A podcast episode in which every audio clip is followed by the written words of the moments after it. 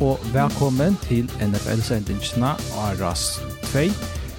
Vi sitter i uh, studiet i Saltengara. Dette er en uh, banda uh, som vi sitter mamma der uh, og, og tager opp. Så hvis det er okkur som ikke er helt uh, opp det, eller mye uh, nytt fra, fra disse noen som er i natt, så må vi bare be dere komme til gåer. Jeg har Agnar Presta, vi er med av telefonene, og vi færre at tjøkkengenga week 15 i NFL. Som alltid så vil jeg kjenne kjennlagt ut av, av Spotify. Velkommen til, Agnar. Takk for det, Aksel. Takk for det. Tu, det ser ut til at vi er nøkkelen og trykja der vi, i playoffs nå, ja? til å komme, komme i finalen? Ja, vi fant oss det også, det var, ja, altså, her, uh, jeg skal ikke si, ja, for meg, det er en dyster nok, men uh, alltså så jag det ska gå en gilla tja tja tja tja tja Jalen Hurts det var Smith smitt så jag skulle det som tja mer då och och det ska gå en naturlig väl tja. Tja det är som bättre efter ehm det är en chans för det att att Jalen Hart spelar. Det är lika det är alltså inte som en chans vi tog det snart att att han är sjuk i vikskiften han försvann i vikskiften och var downgraded till uh, downgraded är questionable, men mot fantasy så har jag bara så svårt att jag har en, en quarterback klar han jag kör in och då så ska vara Mariota så Gino Smith så så det här borde vara enkel och emot Dolphins så är det nog sina mer trick om playoff att nästa vecka skift en en en, en större vecka Ja, vi kommer också syndrom om det här vi AFC East som kapitalär tror jag säga. Så det är mer spännande och den lugga vantar jag därför att blöva. Mm. Absolut. Ja, Biltley med allt det där par nu så nu så kör det Rosenthal det som ja, vi man kanske kunde vänta ta för att vara en kapning Akkurat. Jo, men för vi när Kron tog in i NFL. Ehm den den står så han ganska fra alltså Brighton Golden till Tavares Chargers att alltså Brandon Staley han uh, blev korter och Eisne Tyra general manager ehm nu glömde namn det var Tom Telesco ehm Jeg tror jeg ikke helt avvanta. Jeg har nevnt det i under sendingen. Det vant jeg tar vår uh, Lukas som nast av, av listan om til uh, Venjar Blakort. Eller han, han var nast. Ja, vi tatt uh, vi tatt det som vi tatt fram i akkurat, i akkurat chatbot, ja, messenger chatbot, og og hva skal man si, jeg har jo akkurat som aldri charger som jeg kjenner som, som, sapshotar som du jag aldrig liksom som sämja det var något bra sämja om att att det var tror på en byting och och sen måste ta på tror tror jag inte eh ta ta vad man kan klockan nu se alltså jag har alltid konsensus så kanske också någon om nästa snack med NFL till att Jag brände Staley då köpte det mesta på Shure Justin Herbert som annars är en, en toppkaliber quarterback. Alltså han har gått och John DeBrea karriär men men han jag ska inte säga att han är spelare för en två men men jag måste att här bor så imorgon och jag sån här så jag sån album men en där jag wish då snacklar och som jag skulle just så album så nej här ska här ska näkla oss upp till 100% säkert. Alltså det var en kontrovers omkring uh, alltså Staley vi tog mat han han han kom in vi uh, alltså han han kanske själv var känd för hur aggressiv han var i affäret av Fort down så det er ennå et, et, et kontroversielt ehm ting å gjøre i NFL, selv om uh, venner er blunder nekk mer åpner for det, kan man säga Og han er mm. en av dem som er vidt til å brøyde det. Jeg tror jag sier at og i som distan helt at over ui så jeg har slitt men, men yeah. det som, altså, till nok ikke det som som är ett roligt där. men mer att det är för det första så är han en, en defensiv vänjare alltså alltså så han kommer in som som som defensive coordinator och och värjan har slett inte very go cha, cha, Chargers och han har varit defensive play caller ju ja Diamond och har haft eh, alltså alltid alla han värjar har det haft um, allt från botten touch värje och i NFL så yeah, han har yeah. um, här som spelar som är brukbara alltså som Bosa och Khalil Mack och Dervin James. Det är ju inte några arbete vi helt där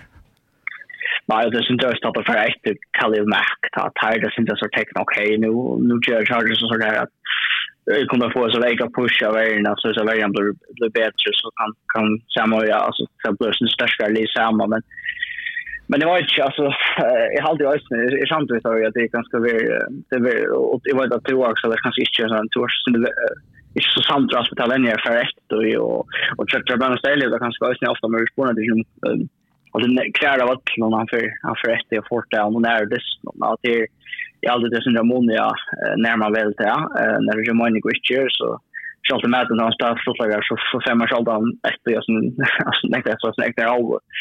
Ehm så jag vet inte alltså men det är också kultur där det då och det så skärn sen det går var var det Chile och och skiftet till Los Angeles. Här i Orda Rica för här skulle finna upp liksom när jag ska fan bara så och har Howard helt fantastiskt stadion. Så så är det sån här kulturen om Chargers fälla i short här och Och det här märkes också att det är en lio. Det är alltid det här charges. Det här är nu. Jag har aldrig funnit några luckna mat att det här jag har alltid det. Det får det som bara hänga samman som, som, som, som, som ett lio. Jeg burde jeg mest til altså, at uh, i NFL så, så virker det for meg som om man er eh så ser defensiva vänjärn alltså tar man titta alltså vänjer som blå alltså tar man på sätt som huvudvänjärn så tar man typiskt ofta när det är defensive coordinator eller offensive coordinator är en och i en fälla så ofta när en en defensive coordinator som ger ger sig väl mest och en lie han han fär så ofta tendens till att eh, få upp Johan nämligen head coaching jobb och här var Brent Staley han hej faktiskt bara med ett år så i, i Rams men det var någon skott år så varje han hejt och så så fick han bjöd det uh, head coaching starve men alltså hickar man ju ett av de flesta linjer i NFL där så så så visst det bara det att Tarvenian som är offensive coordinators tar få mest bursor och särskilt tar det här var en quarterback som man vill männa alltså man hickar efter de Dolphins med Mike McDaniels. Alltså det har ju just under för uh, för toa alltså som Brian Dayball som kom till uh, till Giants och så jag kommer hitta alltså Doug Peterson i Jacksonville och Andy Reid i Chiefs. Ehm um, till så till det som tar som till ett nutcha i NFL som som bara Angstregna rika bättre och tog är det där är också att Chargers nog skulle hitta tanvägen Eh och ta yeah. alltså är halt det att att han människor som borde vara det hetast namn i NFL nästa år till Erik Benemi. Alltså han är väl alltså han är väl Lucas som UIK och i såna går. Men det är alltid helt i motorn. när han var under Andy Reid och att Andy Reid var play caller ja. Och till Benemi i Twitch men Max Matt Nagy klarar stadigt att få head coaching job. Men nu tar han över i Washington så hävda bara så det är inte kan göra väl. Alltså tar alla på så bättre ut än vänta. absolut, alltså alla, alltså alla blir eh, kär eh, commanders är ju eh, gott även mot Lunds. Alltså det är faktiskt okej vapen. Alltså vi, vi dött som McLaurin och Curtis Samuel som är gång flott att se vad men, men Sam Howell är inte nära topptouch quarterbacker, alltså mot kvalitet, eftersom han eventuellt i den för kategorin, är en topp någon, äh, yards och sådär. Så, i samtal vet jag alltid att haltia, että, det här man ska että hän on också liksom, omtöisiä eri pieni, mitä hän får ut siis, että hän ikke får, kan man säga, eh, till ett head coaching job. Men det är ganska ösen som du säger, det är ju att NFL hickar man lägger för call up playen, ja, alltså. Eh, till så jävla till, till större moment, alltså om man har, alltså, där, eller man är där, alltså där man koordinerar och playcaller, liksom. det är alltid det är man så öra större apor där och vad det som händer och ganska till som björn med huxar och vi är färdiga kommentarer så är ju istället för att släppa våra playcaller ja, och det kan vara att det tidigare han till något som skrift i karriären men är så tjockt som på samma sätt som tror vi att att det är ofta troblart att defensive coordinator som kommer in och sätter sig präglar ett li och det är ofta tror jag att ganska man känner li här man är en quarterback som är projekt och ett offense som är projekt och så man inte klarar att jag får det rikka samtidigt som att man kanske kräver så kan jag kalla ett av ögonen som man har ju här som defensive coordinator är att det ofta man har defensive coordinator i som kommer läkt i playoffs eller också där. Och här är Mats Patricia så att skulle då med om att defensive coordinator som vill ha ett coaching job i Detroit och bara fullständiga kicksar. Så ja. Nej, det är intressant, en intressant diskussion där aldrig. Och, och, och Nick, jag tycker det var fler, det var inte bara Starvich, som var off på grabs i januari.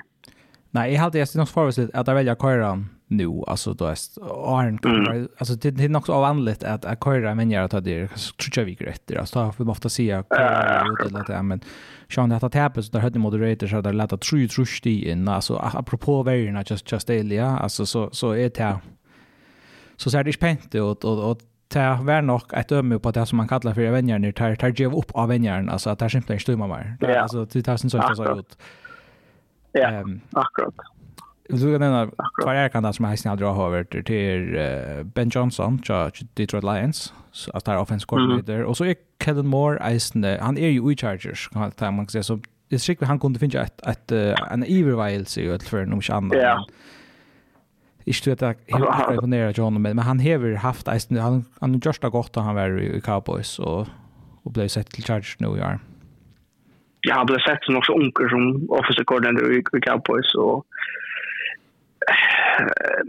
men uh, här är det också ganska wush i ösnen att det var alltså det har man McCarthy över play caller och så mycket väl men ja att springa om det förtöljer till Kevin Moore uh, ja eller Cardi Rage ja. Ehm innan det stod det här vi alltså general manager Chadam Tantalesco han har varit där i två år faktiskt som som general manager men ta sig alltså Lee Chadam är faktiskt inte så jävla lätt att uh, rätta upp på att Hickman man mot nästa år så är det Chargers faktiskt långt 45 miljoner dollar ever cap. Så här är det lite arbete vi och tar hava fyra spelare av sin roster som alla alltså får hava ett cap hit nästa år på över 30 miljoner. Alltså Mike Williams och Keenan Allen by White receiver ner på över 32 och 34 miljoner dollar. Och så är mm. Joey Bosa och Khalil Mack defensive ends så hava ju 68 miljoner dollar i cap hit. Så där brukar otroligt nek på hessa positioner och hessa kontrakter är inte garanterar så Det kan gott hända till att jag tycker vi gosser tvær av spelaren kommer nog inte att spela nästa år i, i Charge. Nej, nej, det är akkurat det som är det. Mike Williams börjar sig jävla skatter, ja. Eh, och så spår ingen ner. Man ska släppa sig av i andet och man ska... Jag tror inte Ryan Trade Keenan nära väck. Alltså, det är hit. Alltså, han är ju ganska det bästa mot trade value. Så har han ganska rymligt gott trade value så att man kommer upp i allt. Så Ja, nej, det det det var sagt när vi satt om det där. igen. det var lite sagt att det tog in och det var ju så det. Det är det tydligt. Så så är samtidigt alltså han man kan köra där han bossar och så nästa det det blir. Inte för över 15 dollar. Det blir allt för still. Nej, nej, på kassan ja, akkurat. Vi tar några tojinder, eh, alltså om skier som har varit i vikskiftet någon, Baltimore Ravens, så får Keith Mitchell ta running back ut vi en skia för för Arra. Det är kunde ska det är alltså ändå ska det är för skia han fick men det sån där missar cha cha time men men där har var ju alltså running back by committee som där kör här Ravens så det skulle nog klara sig utan att det. Och så missar sin tackle Ronnie Staley i concussion protocol.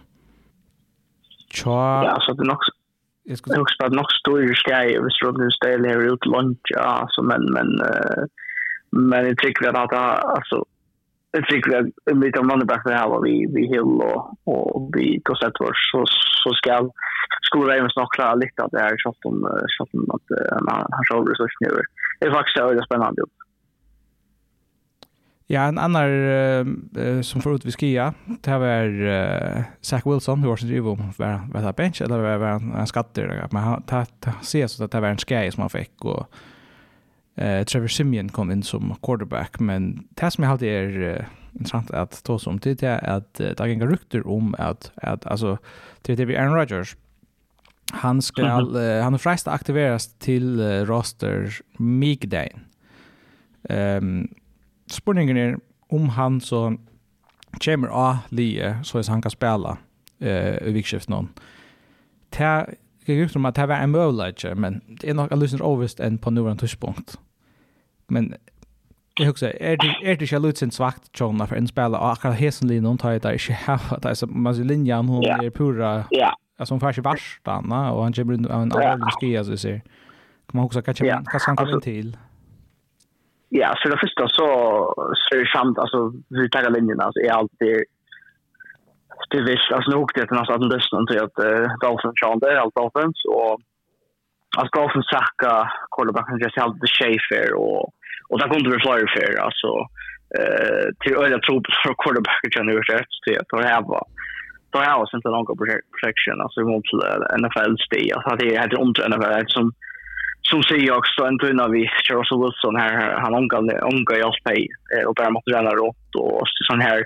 Men också grymt det efter och eh alltså jag har alltid att kan man säga arbeta Jessica Wilson då är den tropar out och det ska man det ska man men att till nummer 5 det alltså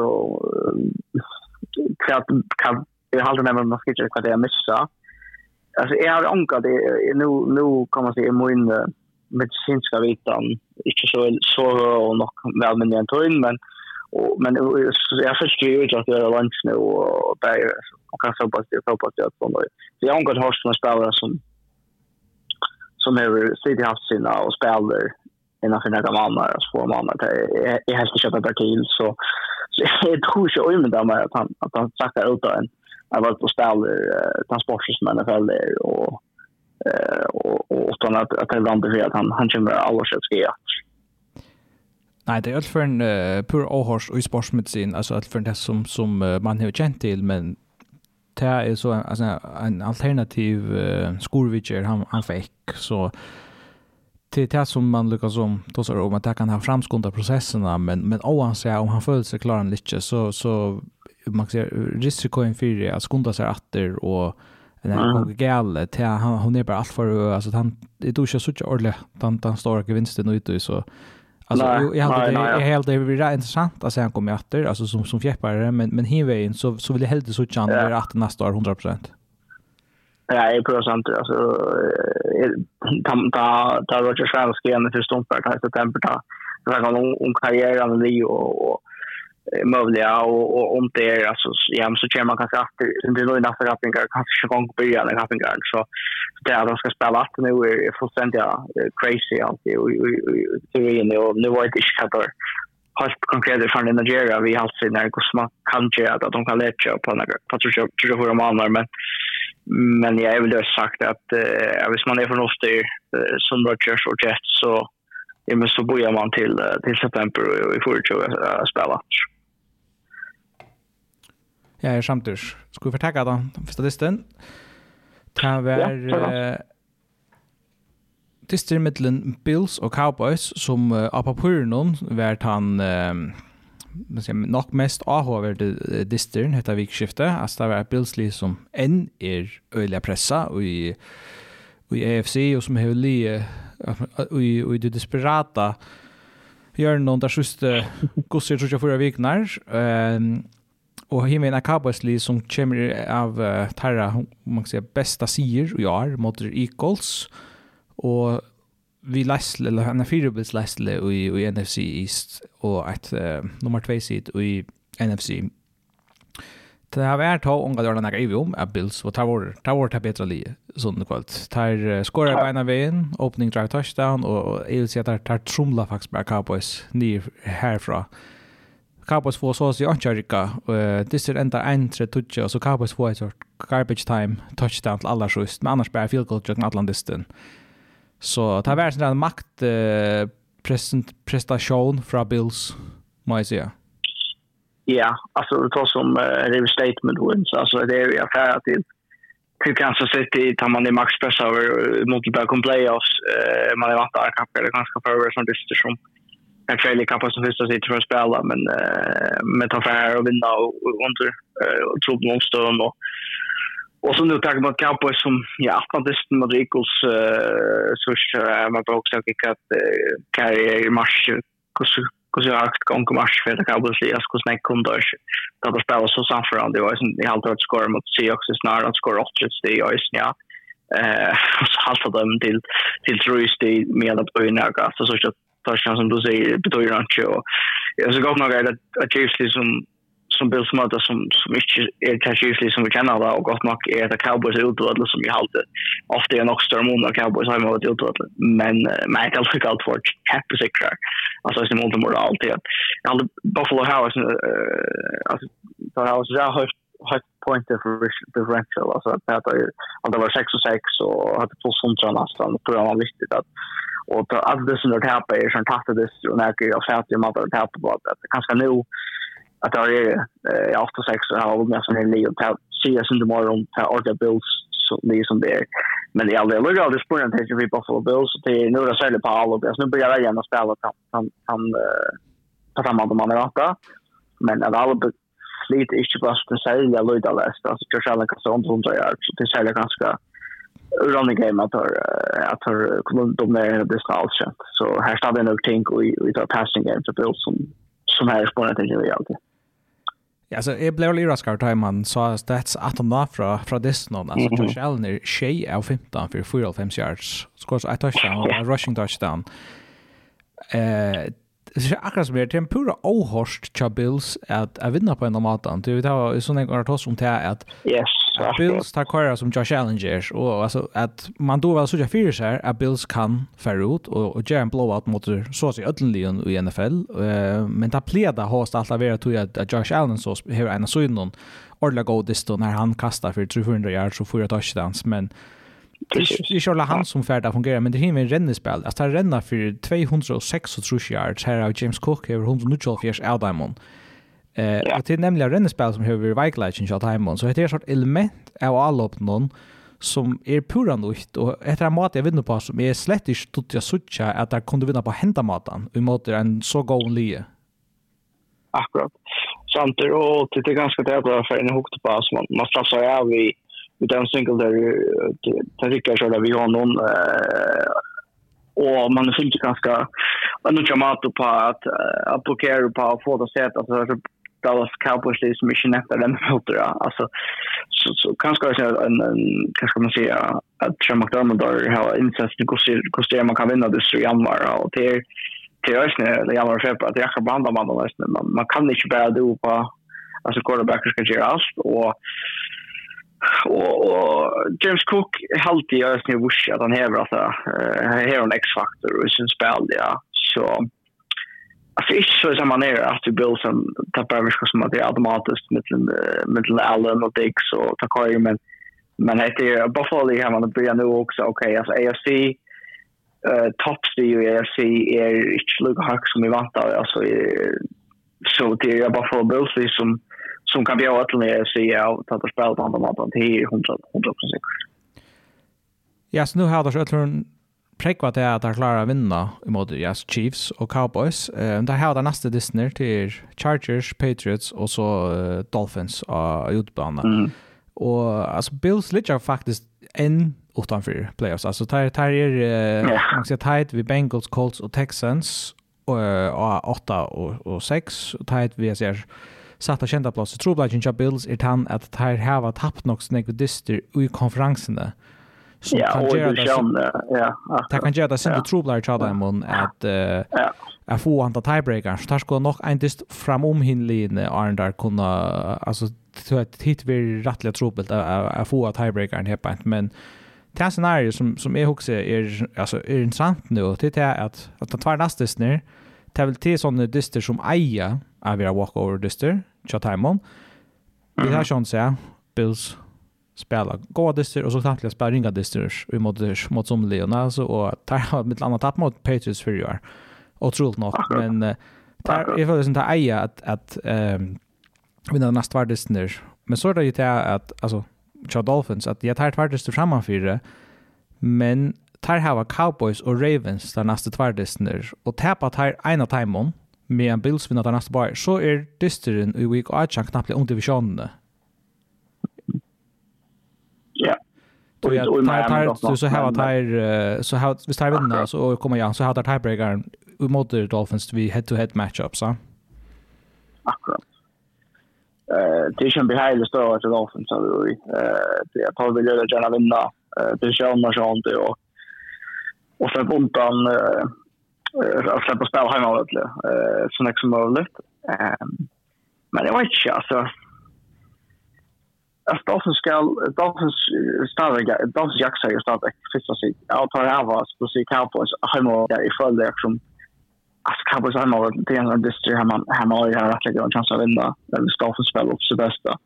Eh mina Rams system där så kanske kan bli så nästan halvfinal om om första sig det visst är någon som vinner Cowboys. Så det kan vara både så ofta det kan bli va eller stått i distro om första plåse eller eller blev det så stod ju för att hålla fast i eh andra fast och i och är sist alltså du ikke du det så ikke at skulle tape alle sorter og at nek andre skal gå også så det går til playoffs men Kapel samarbeider om at, som du sier, at Akra er sin oppgave til å være nasjonførende, og til sikkert at man får gjøre med Chargers og Patriots i to kjørt det der.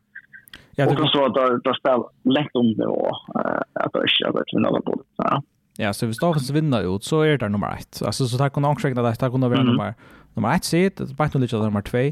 Men här med en tabba där reisende og komma jaunt vi Chiefs, så har Chiefs jo head-to-head tiebreakeren mot Dolphins, så er man knappt igjen, ja, tre sitter noen her på men man kan reisende fra helt ned i wildcard-plossene, så det er Absolut. Det är lite sving ju och för det samma kan man se för för Bills Ice när ju nu lite där utanför men där kunna potentiellt komma helt upp och du har tre sidor kanske i, i AFC. Ja, ja. Vi, vi startar division divisionerna så, så till, till Retroll faktiskt. Ja, akkurat.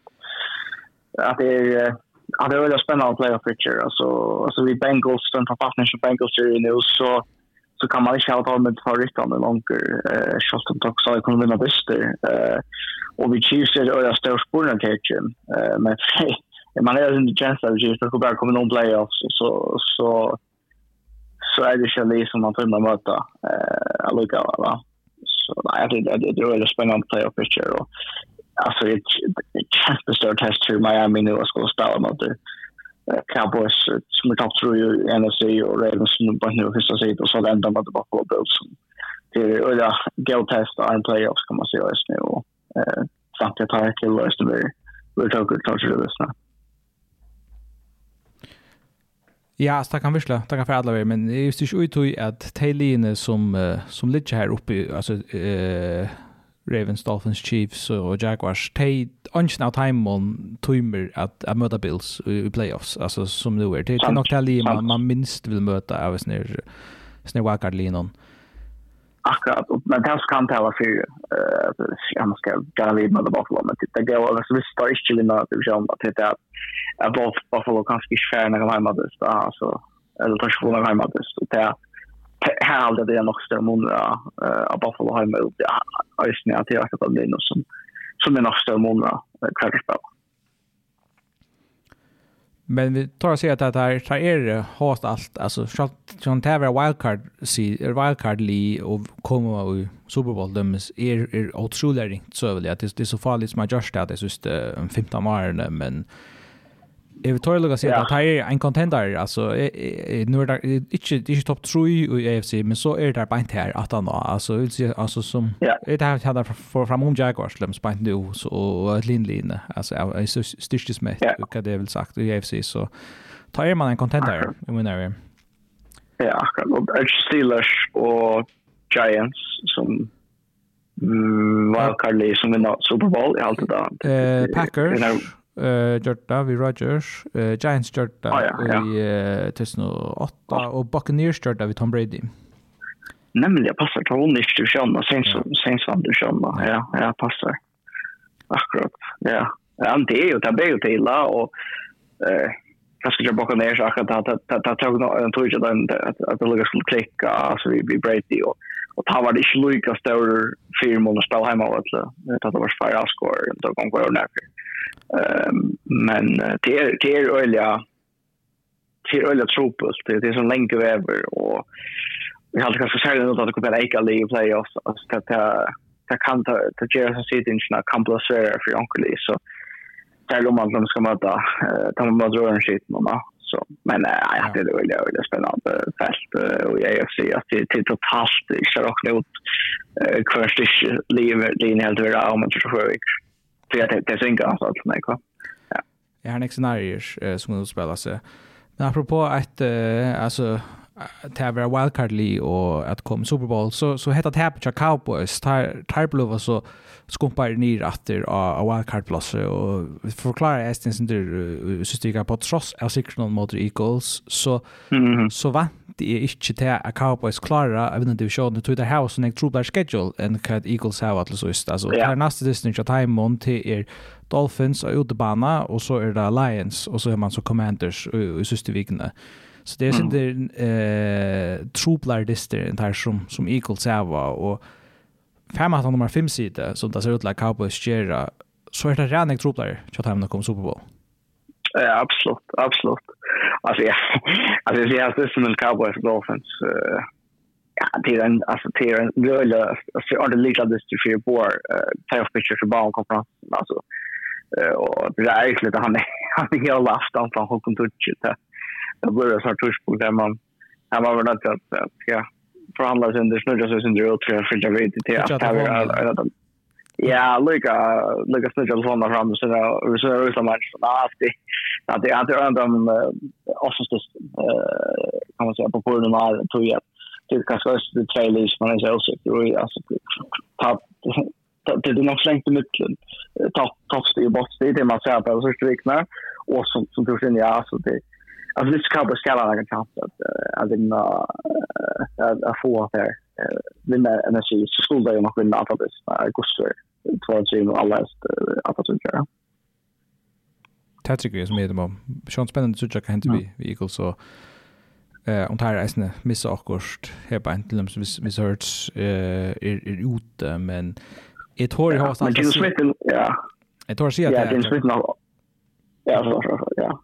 Jag tror sig att vi Cowboys att som wildcard plus alltså så så är det var det tungt. Och isen där som är ju dem det där nu är där tre och fyra av utbanan i år och här var där undefeated och hemma hemmabanan tjejen noll så det är lite kontrast och nämligen ja. Och som verkar så ska man nämligen spela all distner utbanan alltså hack sannolikt av vet så Ja. Akkurat det är så en då blir sån mentalitet för utbanan skulle vinna och Och så är ju just det reguljärt sen ofta så blir det där tyckte mentalt tänker jag. Så, så när det för som det är, där det viktigare att få hemma och alla programmer. Och här är samt här så är faktiskt att jag kan sig att liksom så när jag har rätt att bruka att hemma och alla. Eh, visst så kommer längt med en sån här liksom San Francisco, men ja, det är en film, men jag tycker för tar det där sen sin lilla mycket. Om så har och alla lite så så story.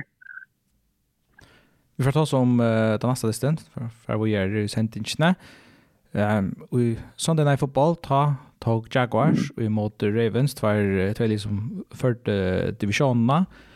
Så det var en rätt uh, fyrre hållläger, alltså Bailey inne till till Jenica Feiler, Lamar han kastar en interception like när i halva Trevor Lawrence säger fumble i red zone och Jaguars bränna är sina två field goals här fyrre hållläger men Ravens får touchdown och en hållläggaren entar till 2-0 men Jaguars hava möjliga att att är helt upp av goalline och så kastar Lawrence en, en bult som alltså stort för gå som som ger att tojen ränner ut och där får han inte borstror här. Ja, akkurat. akkurat.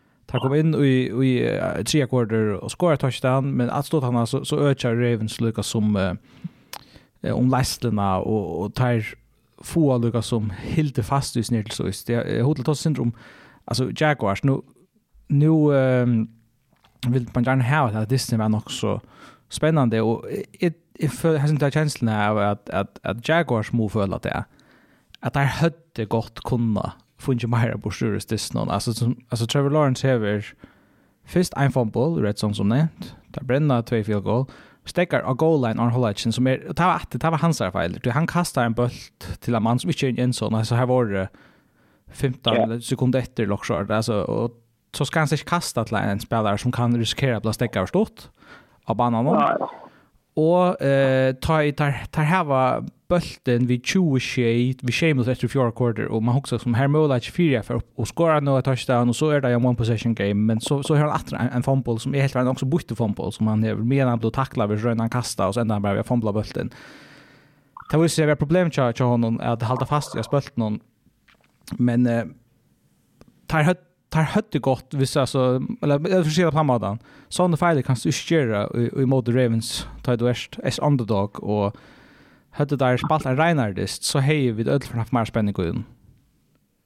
Akkurat, och så er det har fast å gjøre and all like, det finns ju tydligt att det var nödvändigt att färra all och natten, där så man ska föra så djupt, kanske så gott att man var nödvändigt att färra in i en sån här dyrt, ja jag har men jag har synte ta chansen på det hitche efter Jerome. Och såg jag efter så jag tror att det är så det var brown så så jag tänkte kan inte har lite som det som chanser som det sitter hitche Joe Burrow till det sanction alltså det är lite galet. Men such en quarterback som inte hundra procent klarar jag hade det nog tydligt att han inte är det att han stod just vi vi var där i en injury designation men men har tydligt att han inte är hundra procent. Jag följer i branscher som tar tydligt att han Charles Lawrence spelar ordare allt. Han får fortsätta för han så bara rätta tuschpunkter så att jag kommer bättre på hästen och ta ta tänker några år shoulder. och Men han hörs alla här i USA nu. Och Och sen hade jag stil som till Jaguars att att sakna nu och Christian Kirk är sin större än man har varit Att han är ute vid skia och har ju spaltar först tystnar och man ser att han ska ha han höftan som han häver så är det djup på kassen och med det är länk på liksom rätt alltid så så så det det Ja, jag snurrar den att att Tyron game vi Travis Etienne hur alltså vi rattliga amarska alltså där just tvärsen ganska ganska värnar som hade kunnat fokusera mer på att ta ta Lawrence i själv kunna rundsnack. Jag tror han var rattliga mobiler och fick skapt nöker place ta han ran men så två dagar vända så vi vi fotbollsskott nog så Men att lukar väl alltså här här mot Löklen så är det minsta att läge ett avvisle av mobilitet men det kan stadig avska kasta eh uh, rushlena like för cha cha tja en quarterback. Ja, för man sätter sig rätt på och eh men men ni också ösnä att jag såg om det tar spela ju alltså när man Ravens så börjar han styra två toppvägen och göra det alltså tappa spela alltså så det är men det är samtidigt att det är också sån spark och hans pontus någon och jag på det jag kanske det.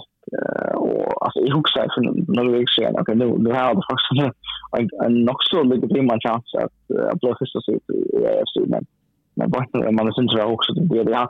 Ravens kommer till Jacksonville har inte att spela så öle det on this alltså eh alls mest att hålla sig så ordentligt ut men men Gerald går knockat den av det snarare alltså. Ja men men men i halt det var ju så just inte är ju mycket Lamar spel så så just evolution och spel som eh halt att han det var inte så att jag kanske fel något som kanske inte borde göra men men det är ju så Mario Fritas det är som som riktar till till hans stor nu vi att han han tog bättre än det kommer att flytta så brukar för så för när man så att finna kast att jag kan få eller där för det är snällt så kurs kommer för kommentatorn var inne att han finner väl bait med mig för att han fått så väl. Så så det hade ju eller så för så att jag ska spela att han inte spelar.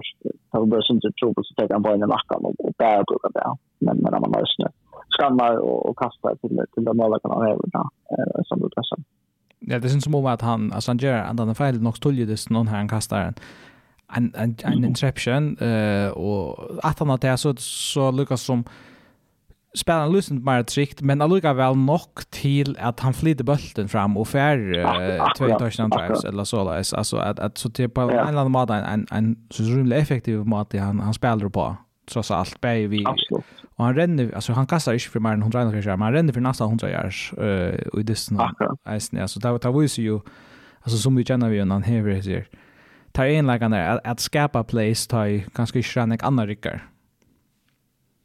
på akkurat som så just nu och ta kan vi säga att han klarar balansera på ett så blev det ju det första varje så och och så är det ju som att connection vi ser var blue bets så vi har sett Bateman som som är flyr nog stå catches all this this för första downs och och så åter Beckham som här tappat på Charles och i någon natten med med Fabora eh så så är så James som ja alltså nu ska man ämna det där man sett men men det är som man inte tror när det blir också så tar tar det ju så lite och som sagt det har alltid där som favoriter i i AFC i allt det mest kompletta livet. Det är livet hvis vi, vi skulle kosta stabilitet uh, och sagt okej okay, nu, nu var det det fire när jag var opposition och tjejer och tog jobb och tog jobb och det så, så väljer Ravens från om uh, Bills och Chiefs och Bengals och Dolphins, eller ja, Dolphins. Ja.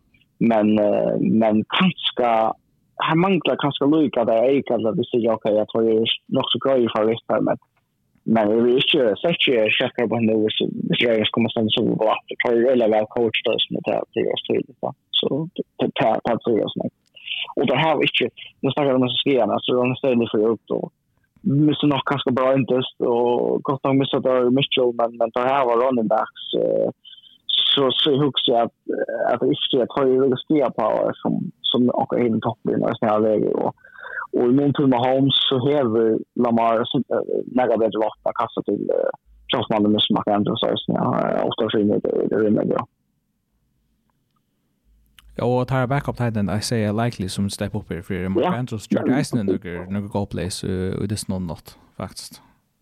det där som er, altså, det, så har det ikke Charles Kelsey nivå ved det, jeg har, der var et halvt som rent og så fra det, men, men han er vel, altså Lamar har nok så flere spillere han kan lute at han kaster bollen med sånt med, og det er nok større bøyning han mot for en tønne, for han tar, men man følte at Baltimore sa passing game ikke var så negativ av venstre, eh, kan man si, kontroll.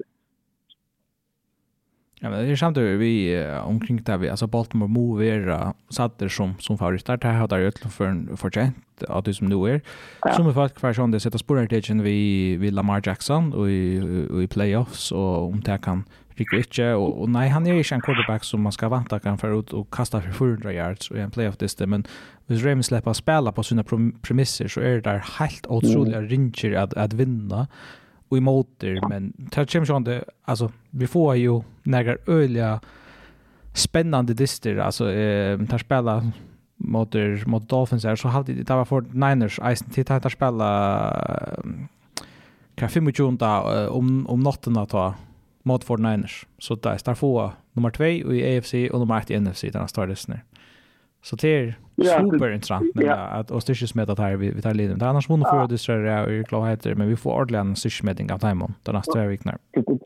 Det där som att några vunnit ett linje som är som dumt alltså Jaguars som sagt att fast nu man säger att inte ordligen kunde blanda sig toppen än eh och så vinner bara så Rams som hade Rams hade Rams så spelade rätt jävla väl. Eh men Rams kommer till Baltimore och spelar så rätt och skorar eh såna alltså för sig man matta men kanske lukar av vinna det så så vem så lukar jag att vinna det så att att det var sån alltså så ting som hade redan sig från om min linje i FC på nu att det är så öle öle så är att slå eh så som ja. Det det är synd som mycket fatta att han på nu att man ska spela extremt väl i den här landet för han chansar med med dem när man kan raka som det där det är så tjejna linjen är så så sälja. För runt det det snär vi Jaguars alltså nu där knappt har tappt, tror jag det strär det och så det spelade in till att att Trevor Lawrence över hur skatter men tar knappt jag jant ut divisionen vi Colts och Texans. Så fra avera man kan säga väl och i försätts någon och vara en kandidat till uh, kanske toppsit i UFC så så är det i allvarlig risk för uh, faktiskt att detta helt ut ur playoffs eller ödel för ny och ett wildcard plus. Så är följa Lloyd Center heter är Center omvänt förtäckt för att vi såg från från Jaguars Reviewer tror jag att ta värda så läs att uh, tar vunne der sjuste fem distner i Arnon, tog det kjønne som snuktes inn i playoffs, at der toppa et til sist, mm. annars at Arne var jo ikke særlig størst av dem, men der finke, finke jeg seg playoff serien som, nei, eller playoff plus og i sista vik mot mot Titans och nu nu verkar som att det är fejta tar vi det kom till der uh, ända när Arnon Akkurat. Eh nej, ta møte. Nei, jeg kan ta møte Texas Etter, nei, det har spalt tvær mot Texans. Det har spalt tvær for mot Texans, nei, nei, akkurat. Men det har det har tiebreaker nu i divisionen. Det här är fyra och ett i divisionen med en Colts är 3-2 och Texans är 2-2. Och Colts och Texans har just mot kvarnöron efter. Så det är till det här fyra mål kan man säga. Ja, det var så att det ska säga också till andra ska sätta upp playoffs. Så ska så lite kollaps till. Men men det kändes att det inte var att man säger inte just det man säger Jack så alltså att att att ha ett liv som som man ska orda eventually mot the playoffs eller just man själv har något element. Men det var inte, alltså, det största, alltså, ta på spel också det bästa. Ta här var det, ta här var det, kan man säga, så orsak, det var minna av alltså, Nötlund. Men, nej, alltså, någonting kan det vara för några veckor sedan, så alltid att, uh, att kanske man har sig sin mål om att man kan få lite där på man man kör med att jag sånt här det är alls mest man man jag hängde jag går det jag hade sån läge med sig och jag jag hängde jag på på Josh Allen kan man säga det det det är inte det är ganska spelar väl så ska han ha en ölig störande följ och sånt. Jag hade mo för att göra till nästa distan. Ehm det var distin leierdein mittlen Bengals og Vikings, två som spelar vi backup uh, quarterbacks, tja Vikings var det fjore quarterbacker som startar i år, uh, Nick Mullins, men linjer har allt bäi tvei vi i uh, playoff uh, contention, må man säga, så det hade faktiskt bäi low av wildcard plus i, i kursen här konferensen. Um, för att ta samma om distance så, så kan man säga Vikings var det bättre lie, uh, Abiria vi och tar uh, lägga sig i åtta, säg chans tror jag alltid i det i, i tre akkorder, men Bengals enda distan det väl. Där skor tre touchdowns i fjärde akkorder, här är två av dem var till T. Higgins, och sälja att det här sista han hej här i enda någon av distan här i eh, Browning kastar en sån jump ball till han i endzone här. Han hoppar upp och loftar han och äter linjen och så lena sig inom uh, goal line till score var hattar punkt i Adenon tja, Bengals och så får det sin overtime och tar vinna så till, till alla skyst i overtime alltid att han linje skift som har haft bulten eh ända för att varför mm. Så tar vinna en en ulla viktig en dist Vikings er en av wildcard plus og i NFC til om några andra lite tapp det är snäpant och hetta Joshua Bengals tar lite bant nu nummer 6. Eh uh, för att som uh, Bengals så landslagsspelare. Skulle han tacka henne verkligen. Det är vi lejärdags eh amerikanska fotboll. Det är hemma som trutcha distra, Alltså är klockan ja. 4.30 och, och klockan 8 då amerikanska då Eastern. Time. Så kallt om det? Alltså jag tror att Alltså jag har aldrig öle gott. Kan jag alltså aldrig super man över den mitten. Det är lära rycka ofta väl hitcha. Eh kanske jag säger till att det är som en sån lära att man ska just på upp som det. Men jag tycker kanske något gott att det inte kvarjar för att det kvarjar för inte bara lägga och sånt där. Eh, det blir nog så nog så mycket vi kör man alltså så det så ska jag ha det i riktningen. Men jag skulle stå det visst det syns så så spart att det funkar man är där. Och så jag hör från mig kanske och så och så resten är kyrkan som det kallar och sånt där. Ja, alltså du vet, jag jag också ändå att man säger att man är genialt. Alltså så kan man där sitter layer dances och och hitcha men men så sitter isen himmel vi känns det tar tar man så hikker alltså lära dig att det som gjør NFL så interessant er det eller det som ikke, ikke det som gjør det men med for en øyelig stor skärma vi NFL er det att det er sånne kvöld. Altså, det er samme tidspunktet hver jeg affär og man man sitter där red zone så sitter man hikker etter det, ja så så det är också några tradisjoner som spiller inn. man husker, hvis det alltid vært, världen det är det där och söndag så det, så man kan ikke Alltså det är värre att att vi ska sitta då allt allt lägger kvalt och allt det så läs. Det sån där passar halt eller det ganska jag halt jag halt att han passar också alltså det hitchetter. Och det vi. Det är där ofta andra av det tja jag fält eller så läs. Så hvis man gör det fast så kunde man gott egentligen ända vid utvattna a Lloyd Center in i halt chasen. Ehm Men här på om om jag så så ryckade öliga väl och man ser grunden till att det bara är i december. Det är Det är faktiskt tror jag att uh, ta er inte college football. Eh, uh, lite på samma måte. Så så så tror jag det kan bättre. Cha cha amerikaner någon du så showmatchmässigt när jag sa det att ta. Det tas mer och jag vet inte det är ganska det point om där jag försöker switcha det så alltså kan det vara en av två ganska blind så där tuschpunkter är nog stått där att mitt alltså tuschpunkter där är det nog skott alltså det som det som smäller när man är på plats så det är super eh det Lewis inte att han vet något men det var inte alltså det är några föräldrar som vi som sundar om och att det här som en affär kanske vara snöra som om mannen fotbollen så som mycket ofta att annars men det, det är ju det att så fotboll kan ju bli något utvattnat via till så jävla något fotbollsspel det är sådana vinstsurspel det är att affär affärer rätt är sant med alla fall det är så först som det är men men det som är ihop från disken alltså jag var som Ja. Alltså jag hade jag hade Vikings tappat det men men för mig hade jag på jobb och efter vi har skiftat Josh Dobbs ut med Nick Williams med mer en en quarterback som kan sluta bollen och passa väl på offense men jag vet inte alltså om det om det hade det försökt vi alltså chans på just Dobbs men han spelat för för eländiga det dyster men det alltså det är offense som är eller på pass så för men men det känns som man kör att quarterback Ja, jag då så såg att alltså han spalte säljas det mot Bears var ju öliga jelly han över fyra interceptions. Och Ongin Stee och i Jognan Myron Trucha quarters hade det mot mot Raiders. Och Vi syns det vik, men jag følte ganske altså at, at Dobbs nok helt lysen mer, mer upside uh, enn en Mullins, uh, men uh, Mullins James ut alltså han det han slingar bollen sin runt. Det är inte gångslinga mentaliteten han kommer vi. Alltså han kastar för 300 yards, tar touchdown. Men ice två interceptions alltså och och en uh, fumble uh, i det snund alltså han gör några failer men men han fär, han fär tinga hända för alla upp eller så där. Ja. Och eh men jag hade sin så Vikings att han är alltså mot Lena Distance så att är du var så tjata att det kommer Sujas in playoffs men är är trick vi inte till alltså jag har också här sinde för lite potential i alltså quarterback position om det så är Mullins, ett om där en hinnom till att att i Toria se att att det har en chans imot det er någon att de stärskar linon i, i NFC, men Men man sitter vid den tjänsten är alltså nu tar, tar Jordan Addison där ordentligt steppar upp och tar får run game som fungerar att Så till nästa år så, så är det nog så spännande att lugga. Alltså det var ju väldigt spännande att Arne Kostens får ut i skia, men det får där, får där han efter så så är det rätt intressant lite nästa år men men det tycker på sig är ordentligt är så där störst potential. Det är snäcka upp en gång Adam and and snitches in the wildcard.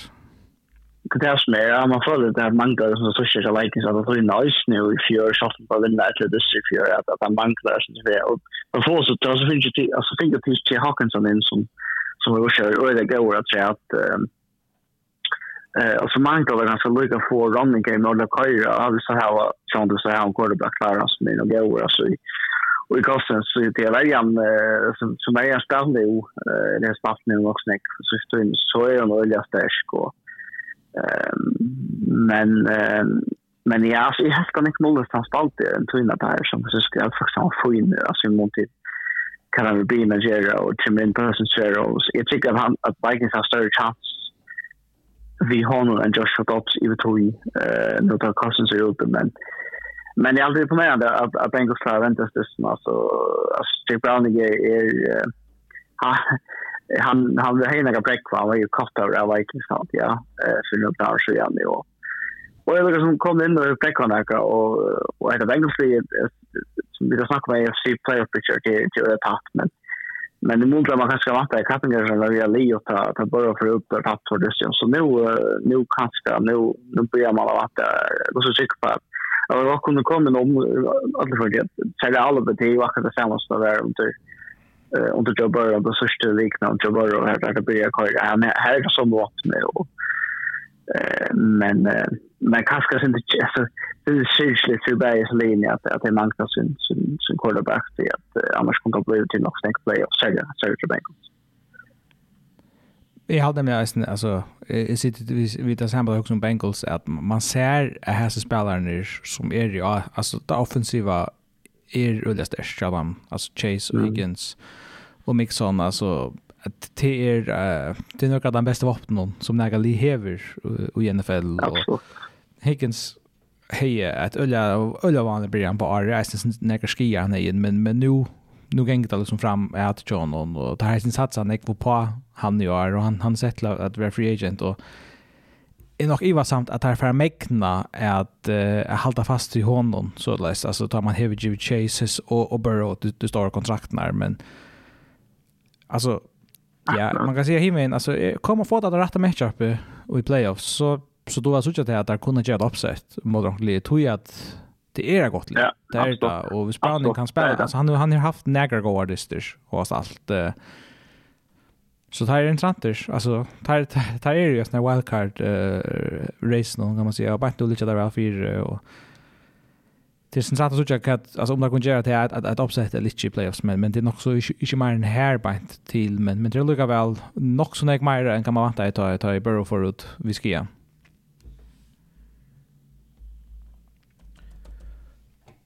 Gott, vi får ta oss om hinna det snär som var det här i vikskiftet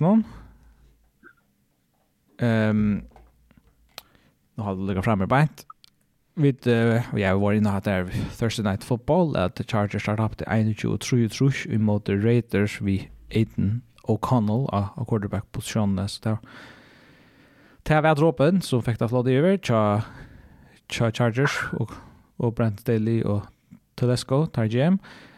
Ehm um, är det för noen Colts ball mot Steelers och faktiskt i mer enn hva jeg vant av jeg, at, at tar for å gjøre, og det er ikke vel til Rubiski, og der sier jeg til at hvis Kenny Pickett ikke klarer at det, så så atla der så alla helst att uh, skifta quarterback til, uh, til nästa dist. Ja, jeg har hade sagt nu at uh, vart en fall som är ut at uh, det var det det kunde skriva det att det var eh kanske Karl Rudolf nej ja, Mason Rudolf nej nej Mason Rudolf Mason Rudolf att han han börjar eh, som det eh så picket med lar det tycker jag picket med lar eh Trubisky alltså det var ju precis alltså Trubisky och så vi såg det där med här kast där i halva var vi one var och det kom in det snart efter han kastade längt på George Pickens. Alltså han är han är för precis han är för uh, det sånt problem så var ju bears och och jag hade stillers uh, det stillers alla bears så i social digest alltså att han hade det bara att han kan ta possession men uh, men här här är nog kring så gott för en hitch på och tas det ut som att det är fast en spännande att liksom så för alltså just in the playoffs här nu vill klara det att att liksom som mount ja kanske kanske rebuild på en sak nu men mest måste in det på något tänker Och jag också som så är alla behöver en chans. Eh men jag kan inte sure kanske att det visst att han att han kan spela med effektivt i NFL och just man är sure and en top quarterback och han där så, så så här han när det värsta ska sånt att vinna vinna visst. Ja, ehm tant det så är layer notterna tar Lions mot Broncos eh som där liksom var i i playoff contention. Eh Lions dominerar han distance, så det var sån där bounce back chat time om att han var ja, något där fyra sista vikna Disney chat time hade vi rattliga under om ial och sälja hade haft några chili tap och jag kom att så ser och ett blowout av, av Broncos som har allt häva spalt väl sysne så Det ger ju väldigt större, något snäck större trick-like till, till Lions. Ja också. Ja, ja, den har en Jared Goff ganska ordentlig igång där och visst att han har kan det som skåra nästa i armen sin touchdown så han det är mer running game och skor eller väl eller eller att de där han säger alltså och det tror alltså det är som astrologen är utla vinna eh sina division och här kan man se att han, hette han som kom från Packers, hon är, hon är väl välvillig affären. Så Så det var ikke, at, det var ikke en member playoffs kom inn til Detroit og spille, og det var veldig, ja. Uh, kan man si at det, det kan bli øyne stått litt til dem, at, at, at det er verste for en playoff, så at det torsk og nok spille noe til Lille som man kan vanta som jeg finnes seg, men nå er man selv kan det eller, det er noe, nei, jo, det blir nok tar som Jag tror man kappast om att bli trea sitt ganska länge. Lions är nog så lastig in i trea sitt någon nämligen. ja ja, tre av filmen, ja, ja. Så, nej, alltså jag kan bli öjla stolt att, stolt, jag tar en, en playoff det tror jag man, om alla ser det extra kalendrar, man ska söka den dess, det, det är inte till ofta att tar att få det och, och ett liv som kanske är sett upp till med playoffs och från det att ta vägar kanske mankla några ting, men, men jag kommer att banka oss en gång. Eh, för söndagen, ett uppsätt, det var att Panthers vunne eh, nutje tjej uh, i en annan mot Falcons Sinter tjej det tapja Falcons som ennå er vi i, i divisionen i arbeid så Panthers tar kom upp av tvärsikrar nu fyrir år um, til att se nei, Patriots har trutchar nämligen så tar litt en her beint av nummer 8 overall pick i, i, i draften men tar ju inte så pick själva så tar vara sånt där ja jag ser Bryce Young trade det att det er ikke ordentlig enn att ha sig själva postet ut för där. Nej, at det är ett att det er et erfaringer som gör det. Jeg går så på på någon nå. Men det är inte gott för Bears, så Bears som har øya. Bears har er jo at det er pitch til Panthers, och och satsar ju på att, att Petter kör tätt. Men, men allt är ganska bräck på att, alltså jag alltid att, att Arthur Smith, alltså han tror att tog ju i Tankut, ett chick vi ska komma vi kör av enka. Så det kanske sälja, alltså det är, tar tid, tar finish där efter Larsen quarterback, alltså jag hade inte smörjt över Larsen och till att lägga som och sett att det är så stor, kan man säga, unga offensivt talent i serien och tar jag ju nog att vinna alltså en dust mot Panthers Show det var där eller inkomster i räknan och mycket vinter direkt men men här är också som vi körde tycker i i i Atlanta och Jag var inte sure om kan man ska vatta Panthers och sånt. Det är kämpebrödingar i hopen och det kan man nog vatta. Men eh jag vet inte alltså jag är jag det som säger det är upset men alltså jag är helt smart chef så jag hade köpt att läsa hur hur jag fick gå upp i gruppen där gammal. Mm. Nej, jag hade hin linje nästa skant där jeg mente, i i division ehm för som en annan det som var öliga spännande som det inte alltså så allt för underhållande det här var distrin mellan uh, Browns och Bears som mm -hmm. eh, ja. alltså Browns tar komma ju eh alltså det där där var det synd du hade rich mot Murdoch i parsa distrin men lägga sig så åt till sista distrin och Bears få så är möjligt att alltså att göra också till alla just. Eh men det enda vi ett uh, Hail Mary ta här Justin Fields som vi uh, man kan säga battet alltså som vi som vi reflekterar över en varje spelare Bant oj att stå sig oj förningen tja tja Daniel Mooney men han färs inte bara slafta den bulten. alltså det är alltså det Det ser det ikke sikkert det så som ser ut til ta man man men men ser la vi hånden nå uh, Chaber Sharpant som hade kunnat just sin det lite uppsett mot mot Browns här. Absolut har jag skulle säga alltså att det helt nämnt att det sa det Amonias att det var touchdown så bara ni och han han han han så och men det skulle lucka där när så tar tar varje åtta kan vara säkert för det var åtta. Han låter, han det där. Ja, alltså. Ja, säg jag. Ja, och och tutchela eller också ja.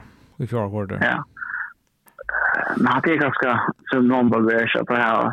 Jag tror den det är Browns eh att han är sin just så fyra att det komma att vara så.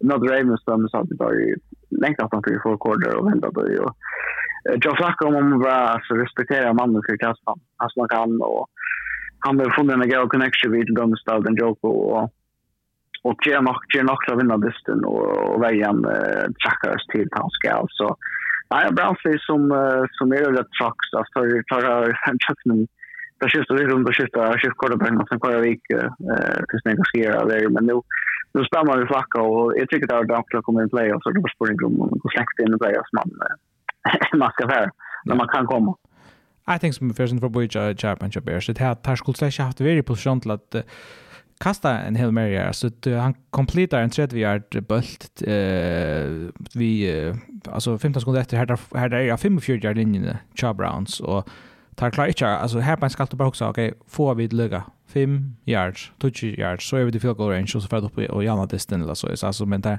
Jag tror att Trumps klarar inte att få näka som helst. Det, det, det hade jag som vanligt akkurat här på ett. Men, akkurat.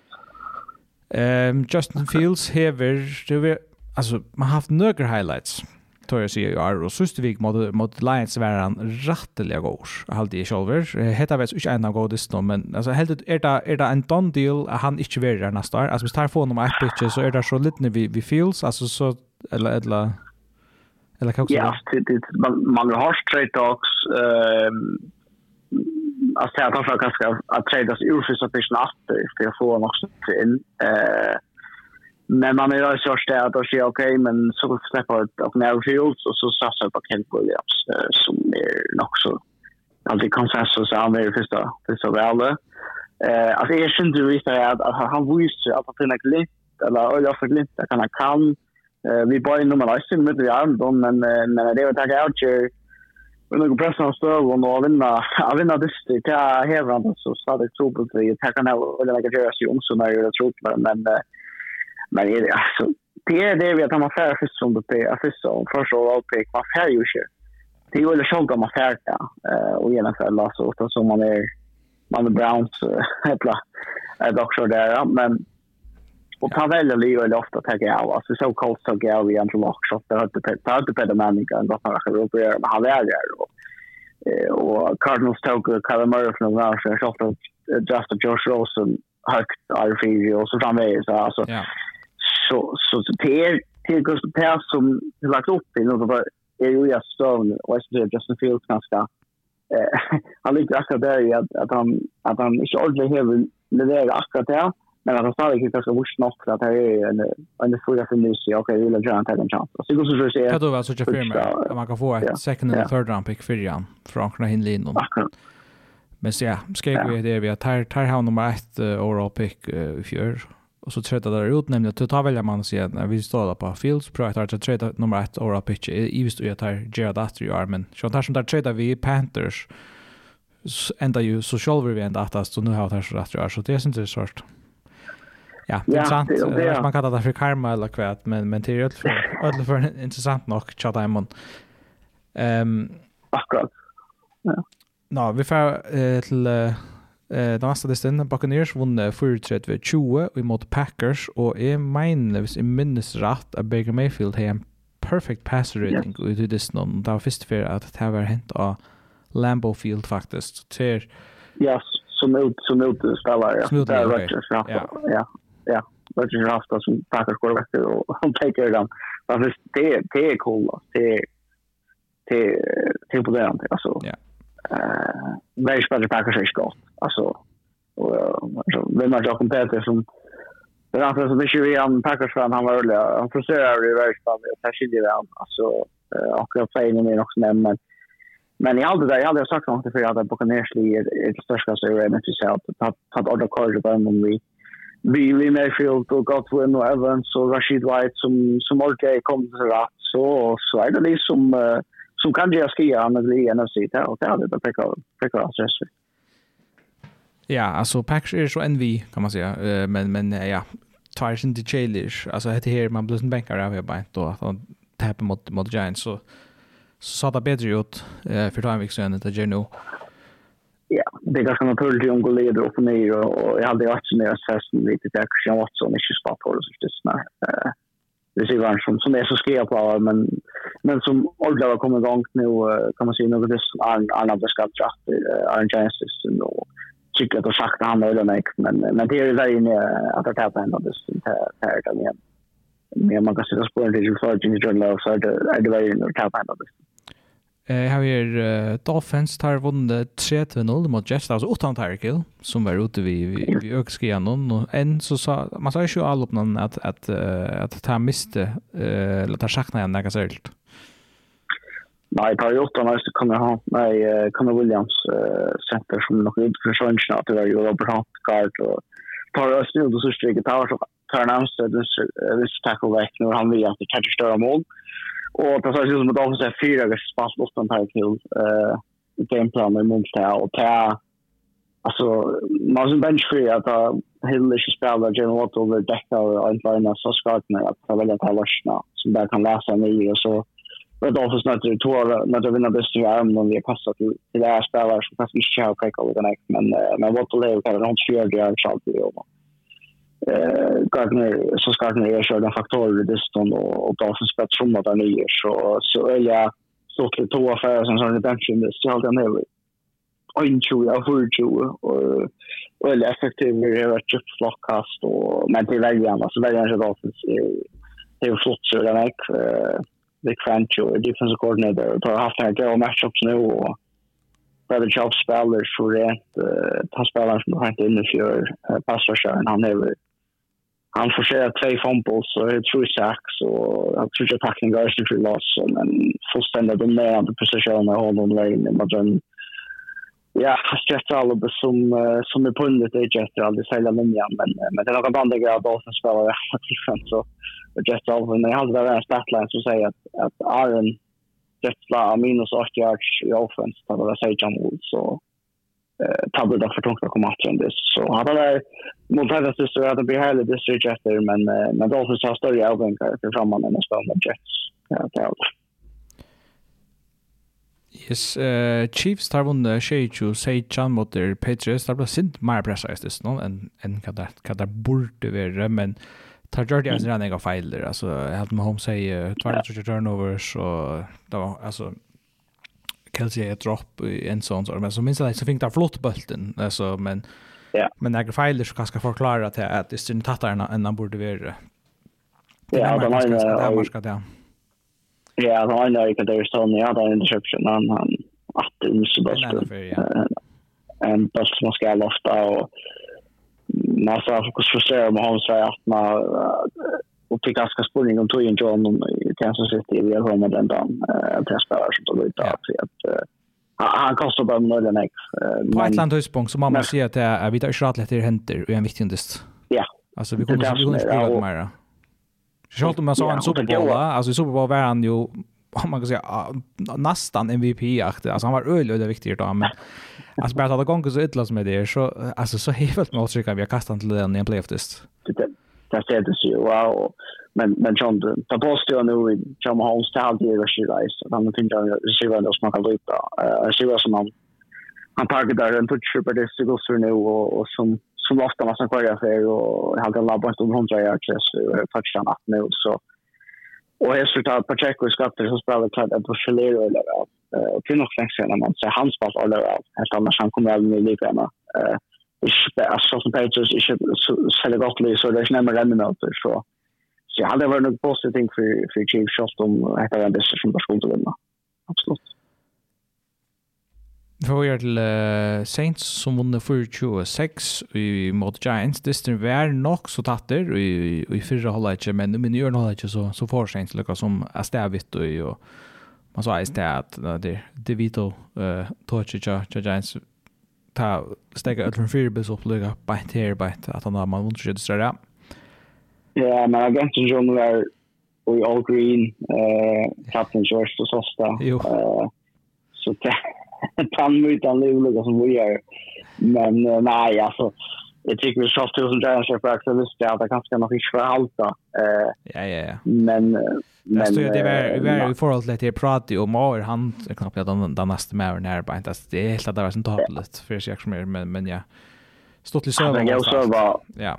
Tajda och han han är väl en fin arm och och och gå på in så kanske det är så han tog av lite så på progress och men Saints Lee passar bara för så likt en där som han var där med Giants Giants och Kaskers. I och för sig mot Packers, men framförallt som bästa säsong och Kaskers körde med upp till eh, att komma till New Och sen som, som blev i spel med playoff oss, då kunde snart vinna sen division. Saktans. Eh, Saktans, eh, ja. Så, så... Eh, nej, alltså, det är inte chansen att jag ska göra de playoff men, men det är några ting som, som är rätt att gå, kommer sig bara att knappliga så, så kan det enda vi at två NFC satlig kommer i, i playoffs og, og, og i raskant nok som et som wildcard hvis det Ja, och det tror jag Vikings så tackar så att man också en att det är så där low eller vad för men men Packers tackar nog för att nu och Vikings ser upp en en ordentlig quarterback och det kostar alltså absolut. En annan avhavert dister som för overtime det var Texans och Titans. Her Texans vunde uh, 16. Alltså jeg følte en ordentlig hållt sig tja Texans. så som yeah. Gigi Stroud var ute, Nico Collins var ute, Meine Will Anderson var ute i eisene. Eh, Rævlig har sagt det skriver knappt igen det men man, man vinner en sånn dist. Och, alltså tema, tema gör ett eller för, för lie att att man vet hur hvordan kritisk dette løpet bare nu är i AFC, och man rör ordentlig halda fast, och så, så, så etnast det mot yeah. alltså det, det var en där comeback sikker jeg, så det hørte jeg på en, så det var, det var uh, inspirerende, jeg synes ikke, fra dem. Absolutt, altså ui Tennessee, ja, alltså med den lige som, som vi jeg vunnit gott kunna bjöa av, alltså bjøre sin det av, om jeg skal playoff for oss med etter, ja. Uh, og Tennessee, liksom, var, var i Miami, mamma kom till vann, eh, så och och tack som haft några jet så stoppar att för sidan för de kan NFL leda ja. Men det att att att vi är så till men till vinner så eh Kristina ma alltså till en quarterback som har playoff run eh the Vikings han kan faktiskt vinna kostar en playoff det så tror jag eh så nej så så nej jag också att jag också att ju som Texans absolut visar att det här ta hava här hava det där mentalitet som ska till för att för Jonah Jess Galdan och så kom in i playoffs att det som ja inte när vart vad som jag där och så spår det så där att nog det stöd det tja tja Titans sånt och och spår ni om tog in Chama Grapple i Tennessee vi har Leo till liksom att han att han ska ta till Patriots för för Ja, visst. Um, 49ers har vunn 25 22 mot Cardinals. Han er rettelig offensive dyster. Uh, og, altså, man ser til sånn at vi Cardinals at, at, at Murray, Kyle Murray er hever en nekk godt å bjøre på, men et alle oppdrag for 49ers till er bare så hamrande størst. Altså, ta et av och, og, og det virker som at det er nesten køyer vi ikke. Altså, der, der er bare jævlig stort sagt. Ja, yeah akkurat och ta ta kan säga kanske en gång alla som orkar i teoria så men det är lite det är sin det som vi ser var eh var som blockar nästan och eh titel är ganska inte så jävla mycket. Större alltså catches man är still catches så och det på här soon place eh inte lika nästa som vi Philly och så där bara catches som där så det är ju på Ferguson är öliga öliga effekter som spelar och att liksom uh, alltså jag tolkar vi Cardinals när som ser ut att ta på out och Ryan och Björn Royce att också gå det back i det där så så med att det där Ryan och spela fruktigt avspel och eh Ryan Ervi och i love det som den där stackars kollegan men men för en champagne med det på det eh alltså det måste han det var måste han det förstå place. Så eh nej bara nu största ligan i NFL och eh och ja omtrent han inte på det Så syns vi også mer til over uh, Rams som vunnet 8-20-20 og imot Commanders. Jeg følte det, altså, altså nå finner uh, Commanders 2 touchdown i i fjord kvart som garbage time så det ser vi skal ta här en av er Rams hade kontroll av noen, og det som var avverst var at Jacobi Brissett kom inn for Sam Howell som ble blev quarterbacken uh, i Jackson Diston men det sista han än är quarterback jag neste vik er, er Ron Rivera sagt har allt. Ja, men, men det är aldrig så, alltså, det var sen också en rams, det spelas något är sändes söndes, alltså, det blir så just med det som man ska bli att ta också, just, alltså, ja. så Super Bowl contender kanske ganska, men, men som är det som är inte stort att möta, alltså, vi, vi kappaster och, och Nakoa, vi har Stafford som säger ut att det eller fusker, och, Sinti svenker att det ganske hever sitt i kosten just Per Higby, i Pui och, och så är det säkert som Kyron Williams, som running back som klarar ja, och eh och jag tar tar tar det liksom som uh, jag tycker är en chans att i NFC alltså för hvis vi tar, tar med at ja, altså, altså, Øystein Francisco, altså, det er jeg, jeg har ikke klikket til at nå så lenge, så så kom det å flyka, og jo, jeg er nesten pleier, jeg har ikke lyst til at det kom i nummer, liksom. Da kunne nemlig arka for Niners i systa omfæren og nemlig, og det kan være en sånn som kunne være agent, Altså, det kan arka der imot til nummer ett side, hvis det er, men jeg har sagt når jeg nå er når jeg virker, altså at han sier topp 4 linje i NFC, for Niners, Eagles, Lions, Cowboys, så halte jeg Rams er klart det, det sterkaste, eller det farligaste li eh, som, som er etter her på en, og Hvis det er litt nummer 6 uh, sitt, uh, så kunne det være vennemot Lions i, i playoffs, og ja, Kjell Romsen. Man har ju sett det för Chad Diamond. Ja, jag tror också att han faktiskt, alltså Stafford, att Stafford kommer alltid till det så att ställa playoff mot dem, alltså det är Alltså det är en fantastisk Goff och Stafford mot Gurney. Goff och Stafford, ja. Alltså det är en storyline i nästan väldigt par.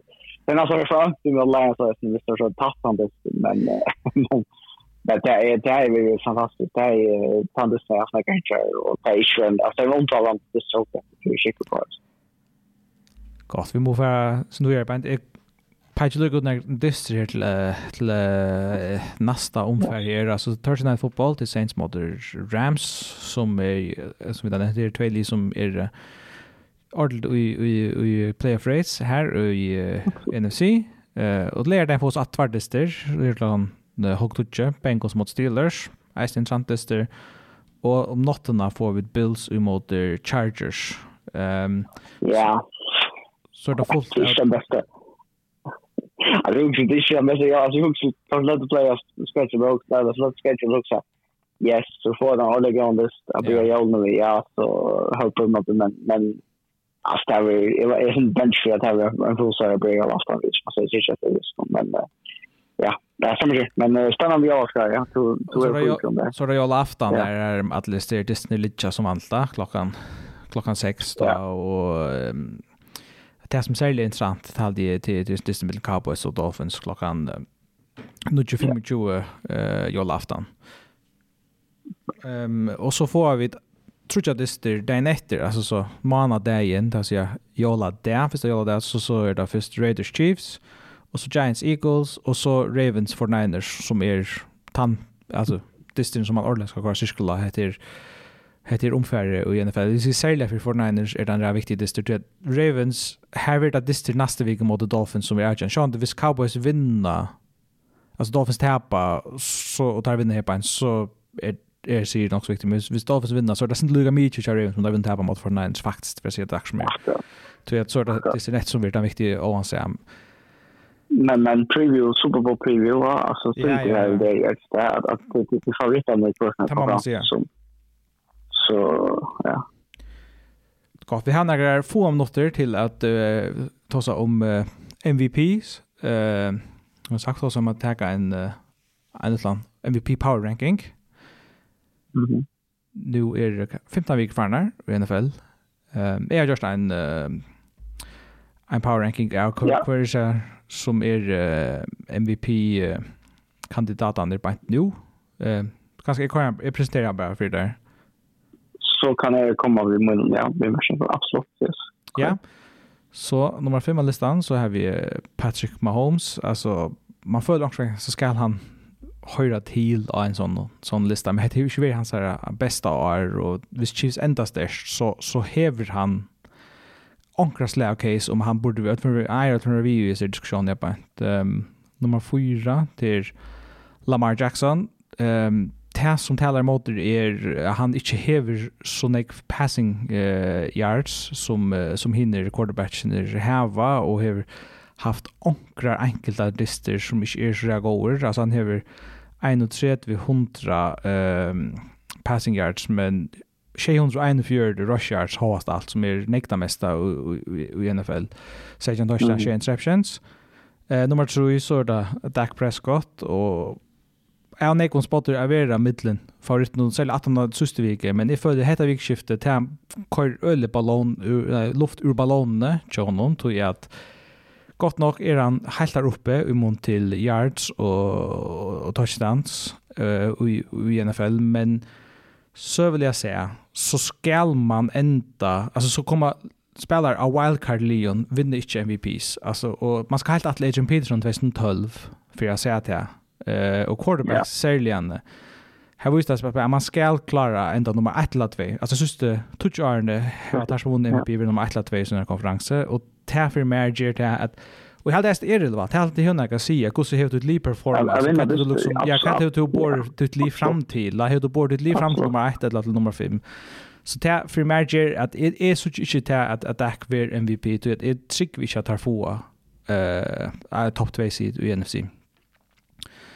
Är som nummer nummer 2 det här har sett uh, Tyreek Hill eh Chelton har missade lite skritt här mot till alltså han har missade en dist här och han har gjort neck mest receiving yards i NFL, 1500 och 2 receiving yards och 12 touchdowns. Ehm um, det som kommer att vera hans case det är viss han klarar att bråta sig single season rekorderna på 900 och 40 yards. Han manglar 422 yards som han klarar på den sista 30 distansen Viss han gör det, og viss Dolphins kanskje blir nummer 1, eller ja, man kan eller nummer 2, eller så, så så är så hever han en öliga gåvan case för över MVP. Uh, men det är sånt atypiskt att att skill position spelare få ehm att det och sälja wide receiver tar alltid man ska längta efter för att wide receiver har vunnit MVP i NFL.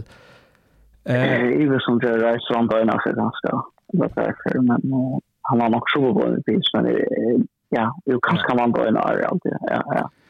Och jeg har som du, att då för den viker, til, till høy liksom snyggt så jag syns han var i början av Arnon så fejlade sin där men jag har bara nu är så lötande så så såg är faktiskt Brock Purdy som har varit att det det tydliga väl och att det sen vikna med Dak tar skrift åter Tyreek missar en dist eh alltså och plus det han spelar väl väl där alltså han eh, mot mot Cardinals han är nummer 2 i NFL i passing yards och nummer 1 i touchdowns knappt igen alltså mm. han nu nästan 800 passing yards nu 20 touchdowns och 6 interceptions. Han har spalt rævlig vel, og jeg vet vel at det som motargumentet vil være, det er at han hever Carl Shanahan, han hever Debo Samuel, Ayuk, Kittel, han hever alle disse spillerne, men, men altså, MVPs har ofte han haft gode spillere rundt om seg. Altså, det, det er det er, det er en holdt sporster, og, og hinn spiller, det er ikke at Dak ikke har gode spillere rundt om seg helter, Uh, og man kan samarbeide han vi i alltid alltså så on, alltså underdog serverna så är det inte som Kurt Warner då han kom in i NFL. Ja, han hejer ja. Marshall Falk och Tori Holt och om Omse, alltså stjärnor. Ja. Spelare, men allikevel som annan MVP och Maxi Mahomes och Rodgers har aldrig haft spelare runt om sig som har har varit goda. Absolut. Ja. Så jag håller det man man man tek det for nekv i motron faktisk, i motron at han er fortjent. Tror jeg, han har, han har spalt best, og han har vært han best spillende leikeren i NFL i år. Akkurat, ja, jeg er rett samtidig, han, han må være høyt der oppe. Uh, det är så alltså det är en öde evig diskussion om vad man ska ha när man ser så inte långa kostnader det är så att alltså så är det ju öde öde perfekt och alltså ja det på och det på så är det jättevapen och och ju alltså att ju så det är topp 2 tror jag så alltså det tar ju bara inte det alltså det Det tar ju inte det kan man säga.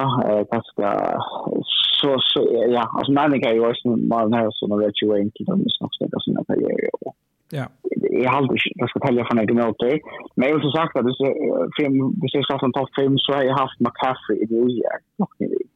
Han är kanske att han spelar en San Francisco att säga att som, som är viktigast. Jag har alltid det ganska att han kan förlora sälja San Francisco vinner en eller två gåbåsen och kan de börja med mest omdåliga trades som i NFL. Så Jag tar få faktiskt för färdigt om kanske kan bäst i all-purpose running backen han tog den bästa all purpose running backen nu vi vi vi ser Marshall Falk kanske alltså bäj till bäj där alltså att han så går till där än all ofta till nästa som här att Mella att jag ordet går till ofta så så här vill det kanske haft han och ta filma och när jag säger just något om som i vad som syns det var. och hvis jeg skulle haft en veispillere inne, så har jeg kanskje haft mer scary på at nå til tar det MVP jag ska gå så viktig är han och i alla Cleveland vi var inne i Cleveland i andra och grundklappar är ju så mycket också som börjar ju i playoff contentions till er varje andra så eh, är så det är ju det här är Angie Moya det är ju en majskare. scare